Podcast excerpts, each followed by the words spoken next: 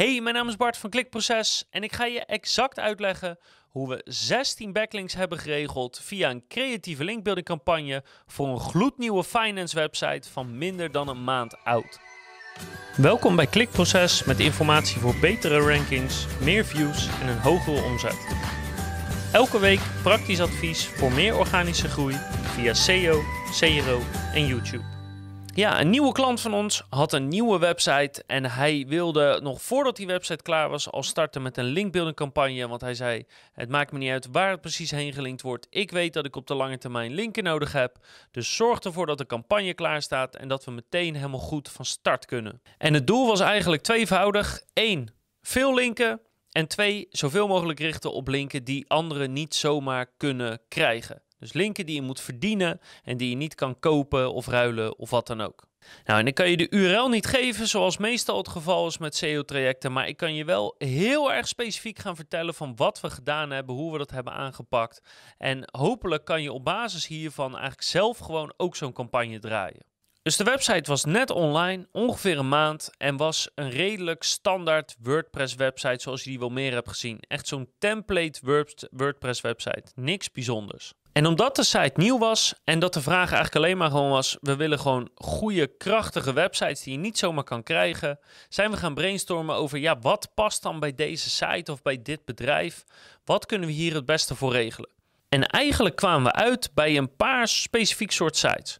Dus één is branche nieuws. Dat is wat de meeste mensen wel hebben in hun eigen branche. Eén of twee of soms tien nieuwsites. Dus die wilden we graag hebben. Tweede was we kunnen natuurlijk ook gewone nieuwsites targeten. Weet je, het AD, het NRC, eh, eh, het Financieel Dagblad, het Telegraaf, uh, noem het maar op. Gewoon de nieuwsites. Nou, en deze specifieke site zit in de finance hoek.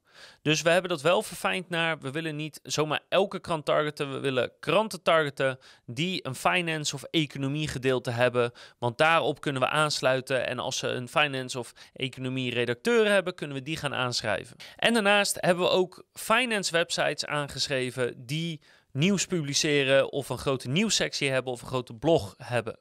Dus ook gewoon soort, ja, niet echt conculega's, maar gewone bedrijven. Hè, dus bij wijze van spreken klikproces.nl. Als wij een financieel bedrijf zouden zijn en we zouden een blog hebben of een nieuwssectie hebben, dan zouden wij een goed target zijn. Dus branche nieuws, algemeen nieuws met een finance gedeelte of sites die finance gericht zijn met een blog of nieuwssectie. Nou, en we zijn dus gaan kijken van ja, als je dus kijkt naar finance sites of, of naar de financiën secties uh, bij, uh, bij nieuwsites, Waar linken die dan naartoe en om wat voor reden doen ze dat? Wanneer krijgen ze nou een link van zo'n soort site? En eigenlijk kwam daar één heel belangrijk ding naar boven. Die, die gewoon het meeste opviel boven alles. De belangrijkste was eigenlijk in dat gedeelte dat mensen gewoon linken naar onderzoeken. Gewoon statistieken, grafieken, een kaartje, noem het maar op. Gewoon keiharde data. Want wat de meeste van die sites dus doen, is die pakken zo'n stukje data en daar maken ze hun verhaal van of hun mening van. Of in sommige gevallen gewoon een vermelding van wat die data precies zegt.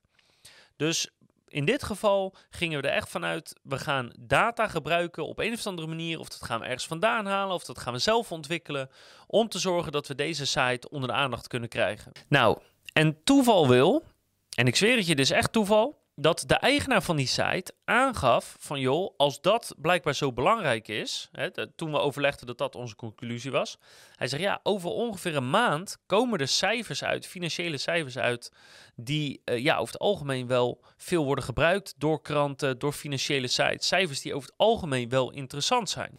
Nou, dus dat zijn we gaan checken, want dit waren cijfers die regelmatig gepubliceerd worden. Je moet bijvoorbeeld denken aan de huizenprijzen. Weet je, elke maand komt er wel weer een nieuw stukje over wat doen de huizenprijzen nu? Zijn ze gestegen? Zijn ze gedaald? Waar zijn huizen duur? Waar zijn ze goedkoop? Weet je, zo periodiek kwamen deze cijfers naar buiten. Dus we konden heel goed kijken, schrijven de sites die wij willen targeten, schrijven die over die cijfers? Gelukkig was het antwoord, uh, ja, dat doen ze. Het tweede wat opviel, is dat elke keer als dus die kranten en die, die financiële sites erover schrijven, dan is dat echt saai.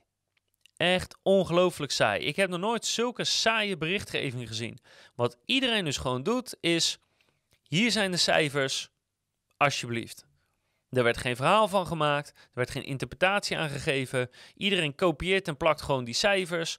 Of soms halen ze er een stukje vanaf om het net even relevanter te maken voor die site of, of voor die branche. Maar eigenlijk deed niemand er echt wat. Er zat geen, geen jeu in, er zat geen verhaal in. Er zaten ook geen mooie uh, grafieken of, of kaartjes of visuals of infographics bij. Het was gewoon echt gewoon een tabel, plop, hier heb je de cijfers, dat is het. Nou ja, dat kunnen we wel beter. En dat zijn we ook gaan doen. En een van de mooiste dingen die je normaal gesproken kan doen met cijfers die periodiek uitkomen, hè, dus één keer per jaar of één keer per vijf jaar of zo, maakt niet uit welke periode het is, maar je kan de cijfers gaan vergelijken met elkaar. En dat viel ons op dat niemand het dus doet. Iedereen pakt gewoon die cijfers, hier zijn de nieuwe maandcijfers en klaar. Dus wij zijn een aantal vergelijkingen op gaan stellen. Weet je, wat is de vergelijking met het jaar daarvoor? Wat is de vergelijking met de maand ervoor? Wat is de vergelijking met vijf jaar geleden? Wij zijn gewoon gaan kijken, wat voor vergelijking kunnen we maken en waar komen waarschijnlijk de meest interessante uh, inzichten uit?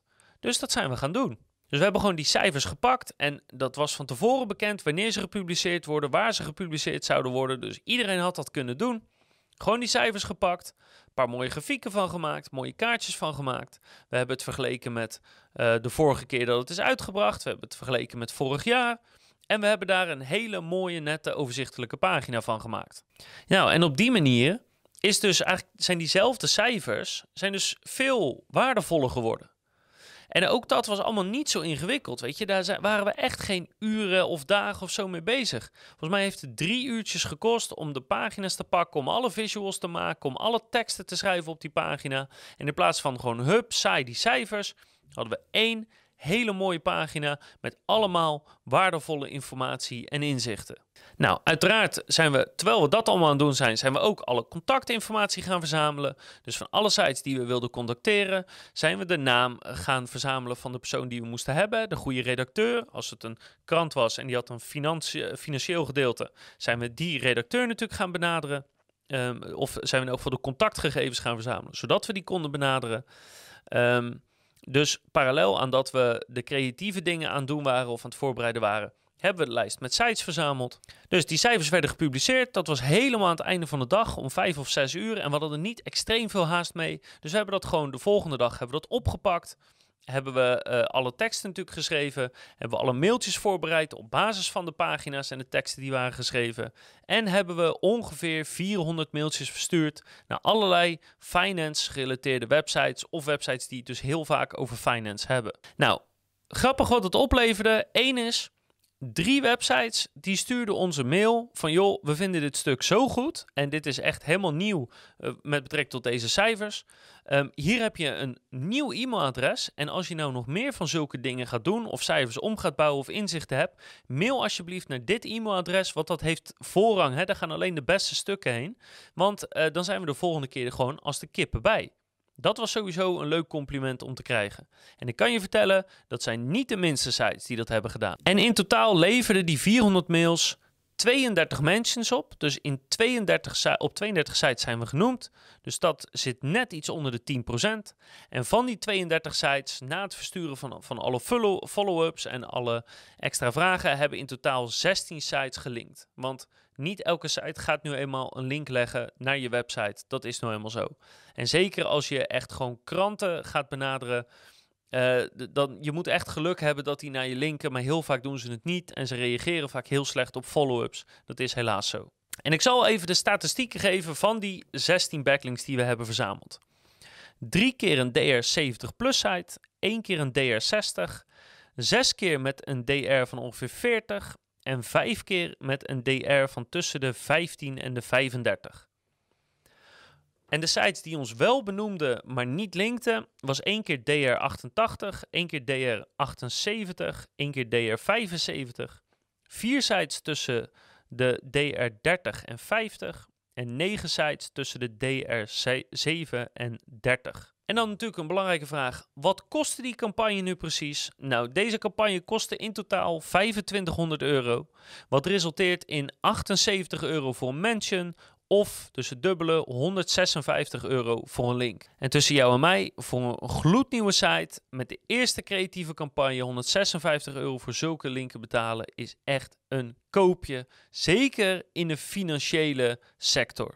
En zo hebben we van een hele saaie bak cijfers waar iedereen iets mee had kunnen doen hebben wij het als enige gedaan en daarmee hele mooie linken binnengehaald. En reken maar dat we dit jaar nog een aantal keer zo'nzelfde actie gaan doen. Ik hoop dat het je heeft geholpen. Ik hoop dat het je misschien heeft geïnspireerd.